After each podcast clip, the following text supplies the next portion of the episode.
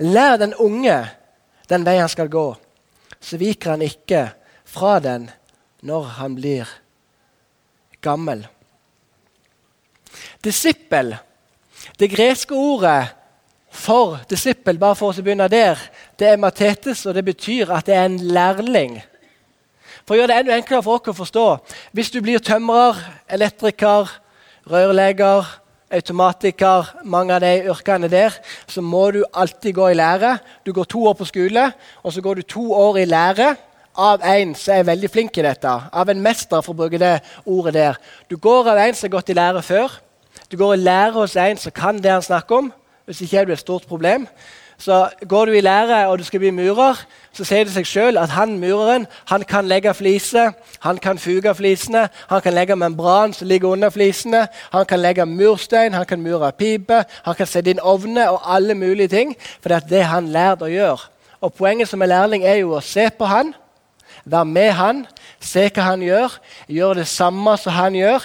Bli like flink som han forhåpentligvis, og kanskje enda mer forhåpentligvis at han er så flink lærer at han leder deg til å bli enda flinkere enn det han er. Det er til å være en lærling at du lærer fra noen som har gått veien før, og så klarer du å gå videre på samme vei sammen med deg.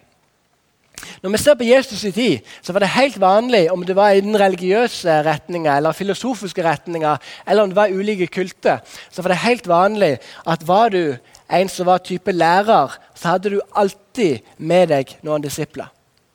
Det som er spesielt å tenke på når vi ser på denne tida, her, det er det at det var ikke disiplene, eller lærlingene, for å bruke det ordet der, det var ikke de som velgte sin egen mester. Og Sånn er det faktisk i dag òg i de ulike yrkene. At, at Har du gått to år på skole og du skal bli lærling, så må du sende en søknad til en bedrift. sant? Men så er det bedriften som velger hvem de velger å satse på. Så kommer det ti søknader, og de bare plass til én. Så velger de én. Og sånn var det her òg. At det var Jesus som valgte ut sine tolv disipler. Det var ikke de tolv disiplene som valgte ut Jesus. Og Dette er vi forvridd mange ganger i dag. At Skal du ha noen til å være mentor i ditt liv, har noen til å være veiviser i ditt liv, så må alltid initiativet komme ifra de yngre som spør de eldre. Mens jeg tror at initiativet skal komme fra de som er eldre, til å komme til de yngre og si 'Jeg ser deg'. Jeg ser hvor bra du er. Jeg ser gavene du har. Jeg har ikke lyst til å heie deg fram. Jeg har ikke lyst til å løfte deg fram. Jeg har ikke lyst til å gi deg alt det jeg ikke lært fra noen andre, fordi at du er så bra. Det er sånn det er meint til å være. Ikke at vi alltid skal gå og spørre disse eldre nok. Jeg tror det kan fungere begge veier.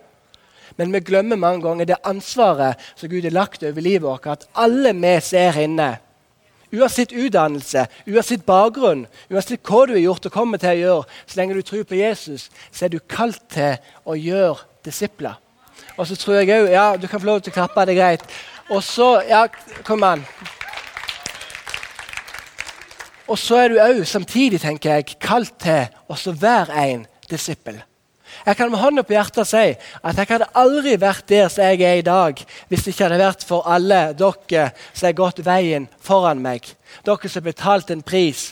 Dere som har vært med og ledet denne kirka her og vært med i mange andre mennesker sitt liv. At vi som er yngre, vi hadde aldri vært der vi er i dag, hadde ikke vært for at dere har tatt det valget og gått veien foran dere.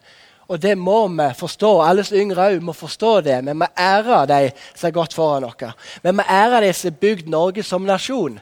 Med en utfordring i dag. For på 19, 1905, når vi endelig kom ut av unionen med Sverige, så skulle vi bygge Norge. Vi skulle bygge det som var norsk. Det var bunaden, og bunaden er fortsatt veldig inn. Det koster en del penger, men det er veldig inn med bunad. Det er bra. Og det handler om å bygge en nasjon i Norge. Mens nå, 100 år seinere, så lever vi i en veldig individualistisk tidsalder der det ikke handler om å bygge Norge lenger, men det handler om å bygge seg sjøl.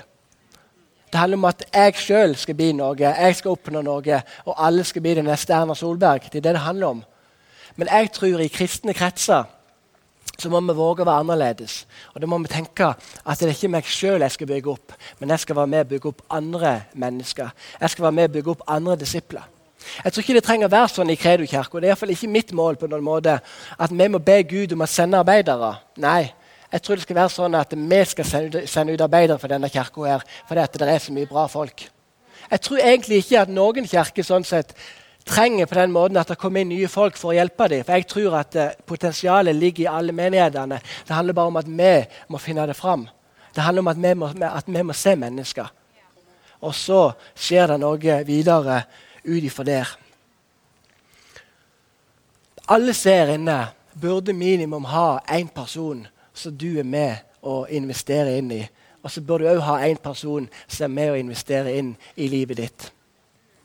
Og Er du her inne og du, og du, er 50 eller 60 og du aldri har investert inn i noen andre personer, ikke få dårlig samvittighet. Ikke tenk at du har bomma med livet ditt, for det er ikke poenget mitt. Det er aldri poenget mitt med noe jeg deler. Men poenget mitt er at det er en ny start i dag. Det er en ny mulighet i dag. Kanskje noen aldri har fortalt deg at, du, at det vært fint om du gjorde det, men i dag ser du muligheten til å være med inn og investere inn i noen andre, andre sitt liv. For to år siden så talte jeg litt av det samme budskapet i Salim i Kristiansand, der jeg var pastor. Og Da var det en mann på ca. 80 år som kom, som kom, bort til meg etter gudstjenesten og sa, og sa det at nå skal jeg eh, ringe til mitt barnebarn, og så skal jeg og han Gud og så ta en kaffe sammen. Og så skal jeg begynne å investere inn i hans liv. Han ble så gira, han ble så tent i brann. Og de skulle også på startkamp samme kveld, så det var god stemning der i, i leiren. Det var mens Start fortsatt var i Tippeligaen. Eh, nå er det litt tøffere tak. Når jeg var 13 år gammel, så begynte jeg i ungdomsarbeidet hjemme på Betania, en pinsemenighet. Det som vi kaller for Credo Ung i kirka her. Første møte jeg var på, første gang jeg kom inn døra, så kom der en, eh, en er veldig god venn av meg i dag. En som heter Øyvind. Han var åtte år eldre enn meg. Han kom bort til meg og møtte meg i døra med en gang jeg kom inn. Og Så sier han det, Jonny. Jeg har hørt utrolig mye bra om deg. Jeg har hørt at du er en bra gutt, jeg har hørt at det er potensial i deg. Og jeg har ikke lyst til å heie deg fram. Og Derfor ønsker jeg at du skal være med i min humorgruppe, sa han. Og Jeg visste ikke om han visste at jeg var morsom eller ikke. Jeg visste ikke det selv, i hvert fall. Men uh, heldigvis så var jeg litt morsom. Og jeg ble med i humorgruppa og hadde masse ting som var morsomt, og masse ting som ikke var morsomt. Men du lærer jo så lenge du lever. Men han tok meg med i humorgruppa allerede første fredag kveld jeg var der. Og ifra den fredagen av så begynte Øyvind å investere i meg. Han sa støtt og stadig at Jonny heier på deg. Han sa støtt og stadig hvor, hvor bra han syntes jeg var. Vi spilte òg sammen på A-laget i Sokndal. Jeg var 16 og han var 24 da. Spilte sammen på midtbanen, meg og Øyvind. Og reiste på kamper sammen. Og han hele veien så heide han meg fram og løfta meg fram og fortalte meg hvor bra jeg var. Han inviterte meg hjem til han. Vi spiste pizza sammen. Vi hørte på veldig mye av den musikken som han elska. Jeg var med han og hjalp han med alle mulige ting i huset. Om det var snekring, om det var å legge fliser om det var, altså Alle mulige ting var jeg med og gjorde sammen med han. Og det var ikke sånn at han var den der typen som var ti timer i bønn hver dag. Det var ikke Øyvind. Det kommer aldri Øyvind til å bli. Det var ikke ofte jeg så han be heller. Det var ikke ofte jeg så han være den der som var mest på. Men jeg merka gjennom den han var, og gjennom livet han levde, at han elska Gud. Og Jeg merka gjennom den han var, at han genuint var glad i meg og heide på meg og ønska å løfte meg fram. Det var til og med Øyvind som lærte meg å kjøre bil, ikke mine foreldre. For jeg var livredd eh, når det handler om øvelseskjøring. De hadde fem unger, jeg var yngst. Og jeg var den som ikke fikk øvelseskjøring. Men de fire andre fikk. sant? Men Øyvind han lærte meg å kjøre bil. Og Den ene gangen vi var ute og kjørte bil, så skulle vi over ei ganske trang bru. Og Jeg tok svingen litt for krapp. Så skrapte jeg opp hele sida på bilen. Og Han hadde sånn en kul Mini Cooper som var veldig inn da. Sikkert inn nå da, men det var en av Haugas kuleste biler. uten tvil. Og Jeg skrapte opp sida på bilen. Og Øyvinds reaksjon det var ikke å bli sint, men Øyvind begynner faktisk bare å le. Altså, Se for deg det. det kommer, her kommer an på hvilken type du er. Jeg, jeg, vet ikke hvordan jeg hadde reagert. jeg er usikker på det. Men Øyvind, Øyvind begynte å le. Og Så spør, spør han ja, hva, hva skjedde nå. Nei, jeg tror jeg tok litt borti, sier jeg. Ja, det tipper jeg også, Øyvind. Så går han ut og så ser han jo da at uh, det var litt skramme opp, oppover eh, sida på bilen. Så kommer han inn i bilen og sier at du, Jonny, ikke tenk på det. Jeg skal betale det og fikse reparasjonen alt sammen. Det går greit. Og sånn var Øyvind. Han var så raus, han var så god, og han heide meg så fram og sa hele veien hvor tro han hadde på meg. Og når jeg reiste på misjonsturer, så støtta han meg med penger. Eh, når han visste at jeg ikke hadde penger. og Sånn han vært i alle år. Og Jeg kan med hånda på hjertet si at jeg hadde aldri vært her som jeg er i dag på grunn, av hvis det ikke hadde vært for Øyvind. Det er mange andre jeg kan takke livet mitt. Det er selvfølgelig mamma og pappa og, noen av mine søsken. og forskjellige ting. Men jeg har bare lyst til å peke ut Øyvind akkurat i dag. At Hadde det ikke vært for han, så hadde jeg aldri vært der som jeg er i dag. Og det morsomme er jo at Nå er jo rollene snudd litt om i livet. her, for at Jeg eh, tok en master i teologi. Jeg, jeg, begynte å lære meg ganske mye teologi. altså, det vil Jeg påstå. Jeg har jobbet som pastor og de tingene der. Så nå er det ofte motsatt. At Når Øyvind trenger forbund, eller hvis det er noe, så ringer Øyvind til meg. Fordi at jeg er hans pastor. ikke sant? Og så bare merker vi som at, eh, at nå er relasjonen ganske lik. At jeg lærer av Øyvind, men Øyvind lærer også av meg. Og det merker du Når du blir godt kjent med folk, så kan du alltid lære noe av den du er mentor for. Akkurat eh, like mye som du lærer den du er mentor for. Sant? For det henger sammen på en utrolig bra måte. Og jeg tror det at flesteparten av dere som sitter der inne, at dere hadde aldri vært der som dere er i dag hvis det ikke var noen mennesker som investerte inn i livet deres. Hvis det ikke var noen mennesker som sa at 'jeg ser gavene dine', 'jeg ser den du er', 'jeg vil heie deg fram', 'jeg vil løfte deg fram'. Jeg er helt overbevist om det, for vi trenger noen som har gått veien foran oss. Vi trenger noen som vi kan lære av, og du trenger å være det bønnesvaret inn i noen andre sin situasjon. Når jeg begynte som ungdomspastor, da var jeg 23 år gammel i, i Kristiansand i en menighet, så var noe av det første jeg gjorde dette, dette hadde ikke noen lært meg. Jeg er ganske sikker på at det var en hellig ånd som lærte meg det. rett og slett. Eh, for Da bare fikk jeg en tanke om at Jonny, du skal finne fem gutter som du begynner å investere ekstra i. Det var mange ungdommer, men jeg begynte å se, jeg begynte å be til Gud om at ja, men hvem skal de fem guttene være. Og så I løpet av noen måneder så landa jeg på fem gutter så jeg begynte å investere ekstra mye. Jeg investerte inn i andre folk òg, selvfølgelig, men det var fem gutter så jeg ga ekstra mye tid. Jeg hadde samtaler med de én og én. Jeg inviterte dem på besøk. Av og til så vi fotball sammen, av og til gjorde vi andre ting sammen. Ofte når jeg var ute og talte i en menighet, så jeg gjorde mye da, og fortsatt gjør, så hadde jeg med meg en eller to av dem i bilen. Og Vi prata sammen i bilen, vi var på et møte. Noen ganger fikk de innlede på møtet, noen ganger så preka de litt av min tale. Altså Jeg prøvde jo hele veien å utfordre dem og så ta dem med på det som jeg holdt på med. Og være der for dem. Heie dem fram, fortelle dem hvor gode de var. Og når jeg hadde vært ungdomspastor i to og et halvt år, så sier jeg til lederskapet i menigheten min at jeg vil at, at tre av de guttene jeg har brukt mest tid med, at jeg skal overta som ungdomspastor i denne, i denne kirka her. Og Det var tre gutter på 20 år. Ingen av dem hadde noe utdannelse. på noen måte. Og lederskapet kan ærlig med dere si, lederskapet var veldig skeptiske med en gang. Fordi at, eh, ja, fordi at de så at de var unge. Og det var et svært arbeid. Vi hadde 150-200 ungdommer på, på fredagene. Vi hadde 76 konfirmanter. Altså, det var et svært arbeid. Og, eh, men, jeg, men jeg fortsatte og sa det, at eh, jeg tror dere gjør en feil hvis dere går og finner en ny person utenfra som skal komme inn og drive arbeidet. For De tre guttene her, de har vært med og bygd opp et arbeid med meg. De har vært sammen med meg, de vet hvordan vi skal gjøre ting. Så jeg tror det er de tre rette. Så gikk det eh, noen måneder, og så begynte lederskapet å bli mer og mer positive til min tanke. Og jeg sa jo det at uh, vi kan gjøre en avtale. At jeg blir fortsatt med i 20 stilling. og Så ansetter dere de tre, så fyller jeg de opp. Og så er jeg med de og heier på dem. Og så er jeg innom ungdomsarbeid en gang i måneden og taler og sånn, bare for å holde ting. eh, at dere vet at dette går greit. Så, så til slutt så lander de på å ansette tre 20 år gamle gutter i et så stort arbeid. Han ene av dem han er ferdig utdanna pastor i dag. Han andre han er snart ferdig utdanna pastor. Han tredje slutta nå i fjor, men han er utdanna ingeniør nå i sommer. Eh, snart ferdig med femårig utdannelse. Reiser rundt som forkynner for så vidt i hele Norge. Kjempeflink. Og det er jo fantastisk å se. Den fjerde gutten har brukt mye tid på. Altså, dette er en sånn en suksesshistorie. Jeg sier ikke det for å framheve meg sjøl, men jeg sier det for viktigheten av å investere i andre folk. Den fjerde han eh, går også på teologi og har tenkt å bli misjonær i Mexico.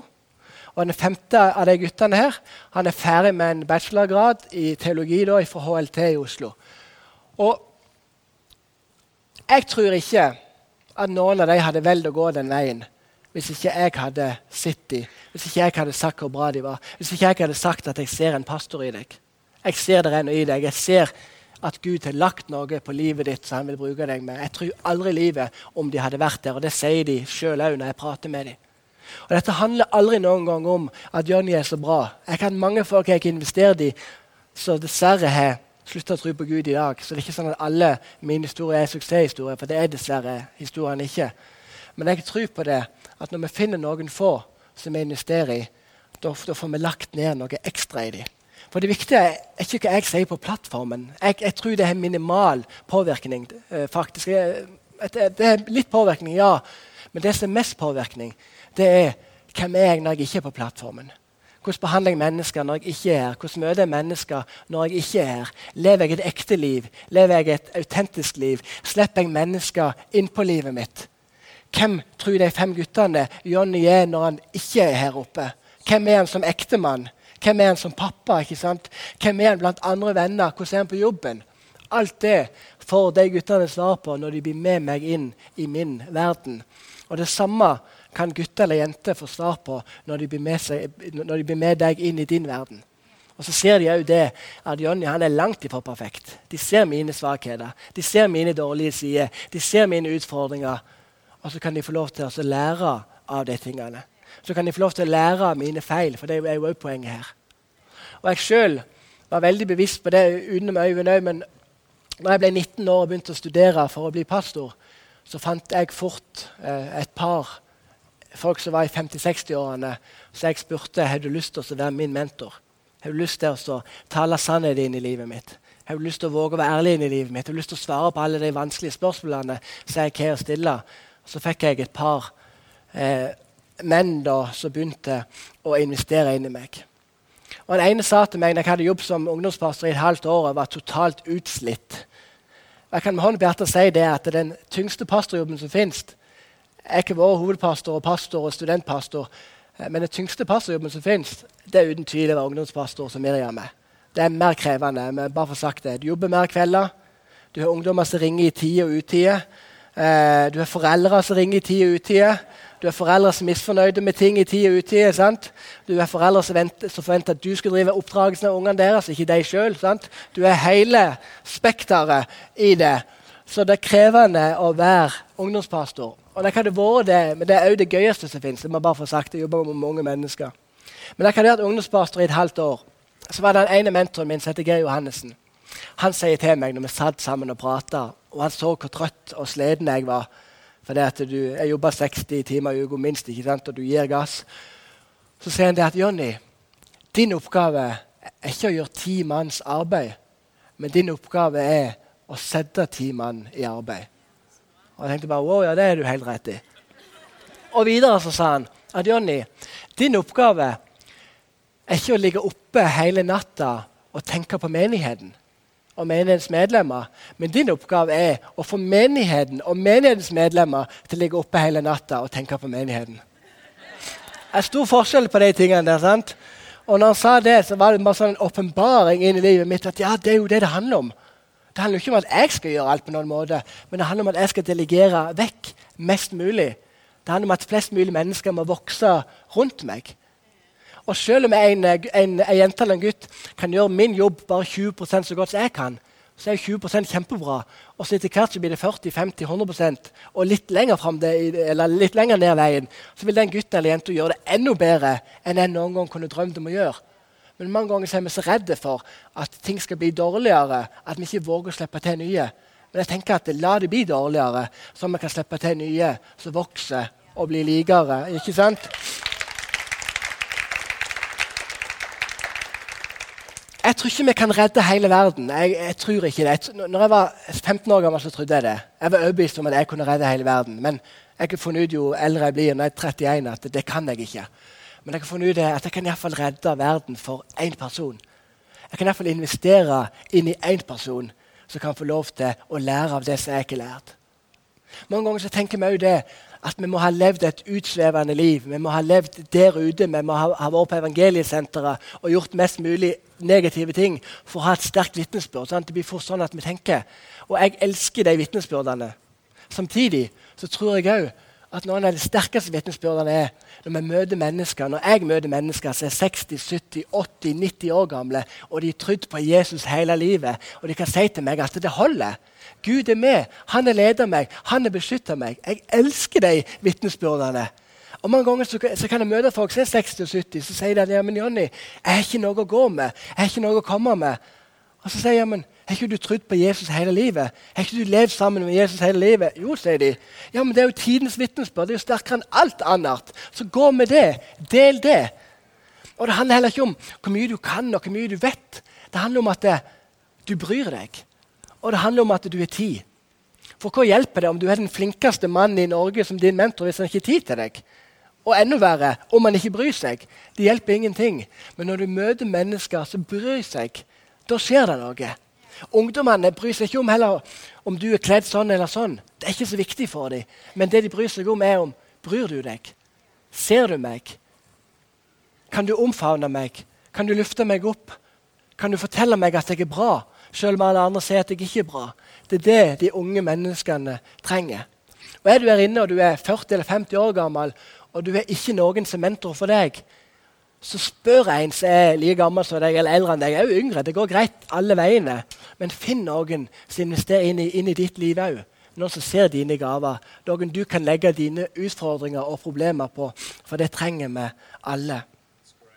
Og jeg tror jo det at i denne menigheten her så er det nok av mennesker som trenger noen å følge opp. Og så er det nok av mennesker som trenger å bli, full, å bli fulgt opp sjøl. Så utfordringen min til dere i dag er jo det at eh, be Gud om å gi deg noe som du kan følge opp. Kom i, eh, i ungdomsarbeidet en, en, fredag kveld. Jeg vil utfordre deg til det. Se rundt på ungdommene og spør Gud om det er noen du skal være med og investere inn i. Altså Agnar som sitter her framme, er jo uten tvil et av mine største forbilder. Altså, Gi mannen en applaus for meg en gang jeg mener det. Han, han er jo òg ei fantastisk kone som fortjener applaus. Du må få en applaus, du òg. Selvfølgelig. Første fredag jeg var og talte her eh, for et par år siden, to og et halvt år siden, eh, eller to år siden, eller sånn, så møtte jeg Agnar. Og Jeg merka med en gang for en mann det her er. Han var her og han bare heide på ungdommene. Han bare lufta ungdommene fram. Han ba for ungdommene. Han ba for meg. og Etter jeg hadde talt, så kom Agnar bort til meg med en gang og forteller hvor bra tale det var. Og Han gjort det hver gang jeg ikke har vært på Kredo Ung og talt, så Agnar har vært der. Jeg ser hvor glad ungdommene er i han. Jeg ser hvor glad ungdommene er over at han er der, og at han investerer inn i deres liv. Og sånne folk som Agnar eh, altså, alle dere der er forbilder for meg. så det er ikke det jeg sier. Men sånne folk som Agnar Jeg husker selv jeg var ungdomspastor. at sånne folk som du er, det går ikke an å kjøpe for penger. De, finnes, de, de vokser ikke på tre på noen måte. for Det, bare, eh, det fins bare et, et, par av dem i Norge omtrent. sant? Men sånn som Agner og måten som han investerer inn i de unge på, er bare så fantastisk sterkt å se. Og for meg ja, jeg, bare, jeg bare elsker det, rett og slett. Jeg bare merker med en gang jeg traff Agner, at, eh, at den mannen er jeg glad i. Jeg er oppriktig glad i deg, og den positiviteten han er. Hver gang jeg treffer han òg, så oppmuntrer han meg, så gir han meg noe, så ber han for meg. Og så er, er han bare så god.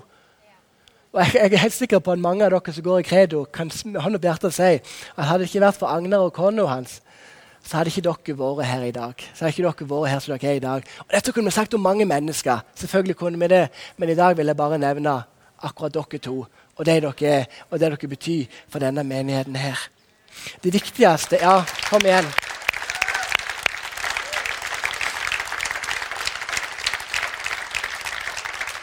Lov, lovsangsbandet kan bare komme opp og begynne å spille litt. Det viktigste er ikke å si det rette eller gjøre det rette, men det viktigste er å bare være der. Og bare være til stede. Du kan godt begynne med din familie, begynne med dine barn. Begynn med dine barnebarn. Begynn, begynn å være der for dem. Begynn å vise at Jesus han er noe mer enn bare søndagen. Men vi tror på Jesus hver eneste dag i uka. Vi ønsker å vise hvem Jesus er hver eneste dag. Hver kveld jeg legger, eller Vi legger Olivia annenhver kveld, eh, meg og Kristine, men når jeg legger henne, så ber jeg samme bønn hver gang at Jesus, la henne virkelig se gjennom det livet som meg og Kristine lever, at du er ekte. At du er virkelig. La henne få egne opplevelser av hvor god du er. Sånn ikke vi presser på eller prakker på noe på henne, men la henne se at du er ekte, at du fins, at du virker, at du er sann. Og la henne vokse opp og se hvem du er. Jeg ber den bønnen hver kveld når jeg får lov til å legge Olivia og så ber jeg om at du skal se hvem Jesus er. Finn én person. Det er min utfordring til deg før jeg avslutter med en historie. Finn én person som du begynner å investere inn i. Så vil vi se i løpet av kort tid at denne menigheten her kommer til å bli revolusjonert. At det kommer til å bli så mange gode arbeidere her at vi vet ikke hva vi skal gjøre med alle sammen. Så vanvittig blir det. For en del år tilbake i tid skal jeg avslutte med denne historien her, så var det borgerkrig i dette landet. Det var masse død og masse elendighet. Det var fattigdom. Og midt i borgerkrigen så blir det født en liten gutt. Rett før denne gutten blir født, så dør dessverre faren hans. Og moro finner seg veldig fort en ny mann. Og den nye mannen og moro finner fort ut at vi ikke har lyst til å ha noe med denne lille gutten å gjøre. Så Allerede fra han var bare noen måneder gammel, så blir han ikke elska, men han blir forsømt. Og Ganske tidlig i livet så sier mor det at vi gir denne gutten til besteforeldrene. Og De velger å, gi gutten til besteforeldrene. Og det triste er jo at til med besteforeldrene var ikke glad i denne gutten. Han bare var der, han bare levde, han bare eksisterte. Eh. Og denne gutten vokste opp med at ingen sa at han var god nok. Ingen sa at han hadde gaver, ingen sa at han hadde talenter.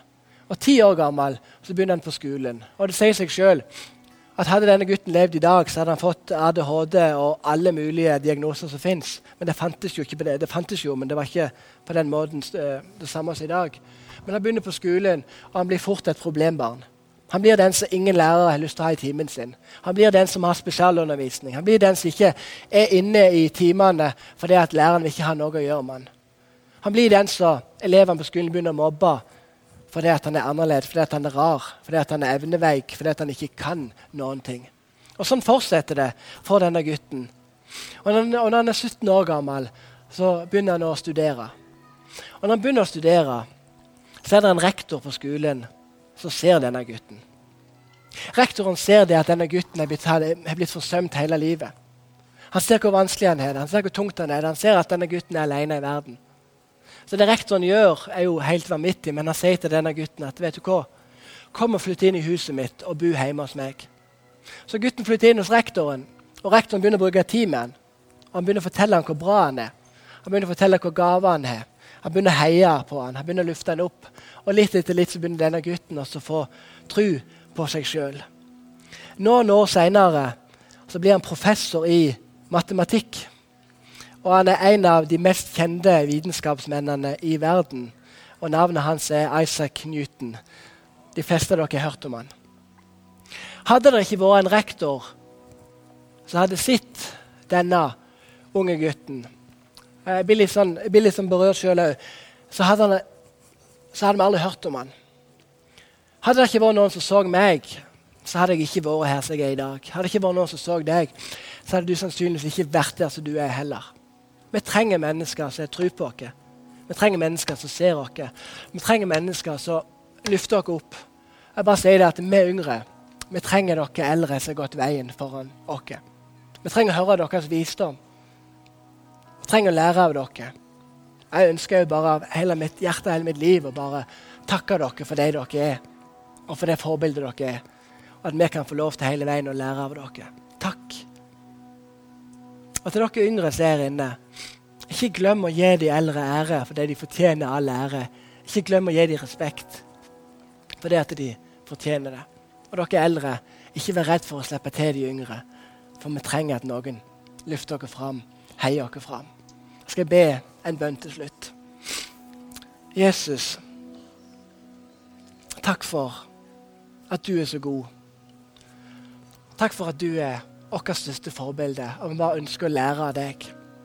Du velger ut dine tolv, og vi leser også om at du velger ut dine tre, som du brukte enda mer tid med. Vis oss, Jesus, hvem vi skal bruke mer tid sammen med. Jeg ber deg om det, far. Vis oss et ansikt eller et navn, eller legg noe på hjertet vårt, sånn at vi kan få lov til å bety en forskjell inn i andre mennesker sitt liv.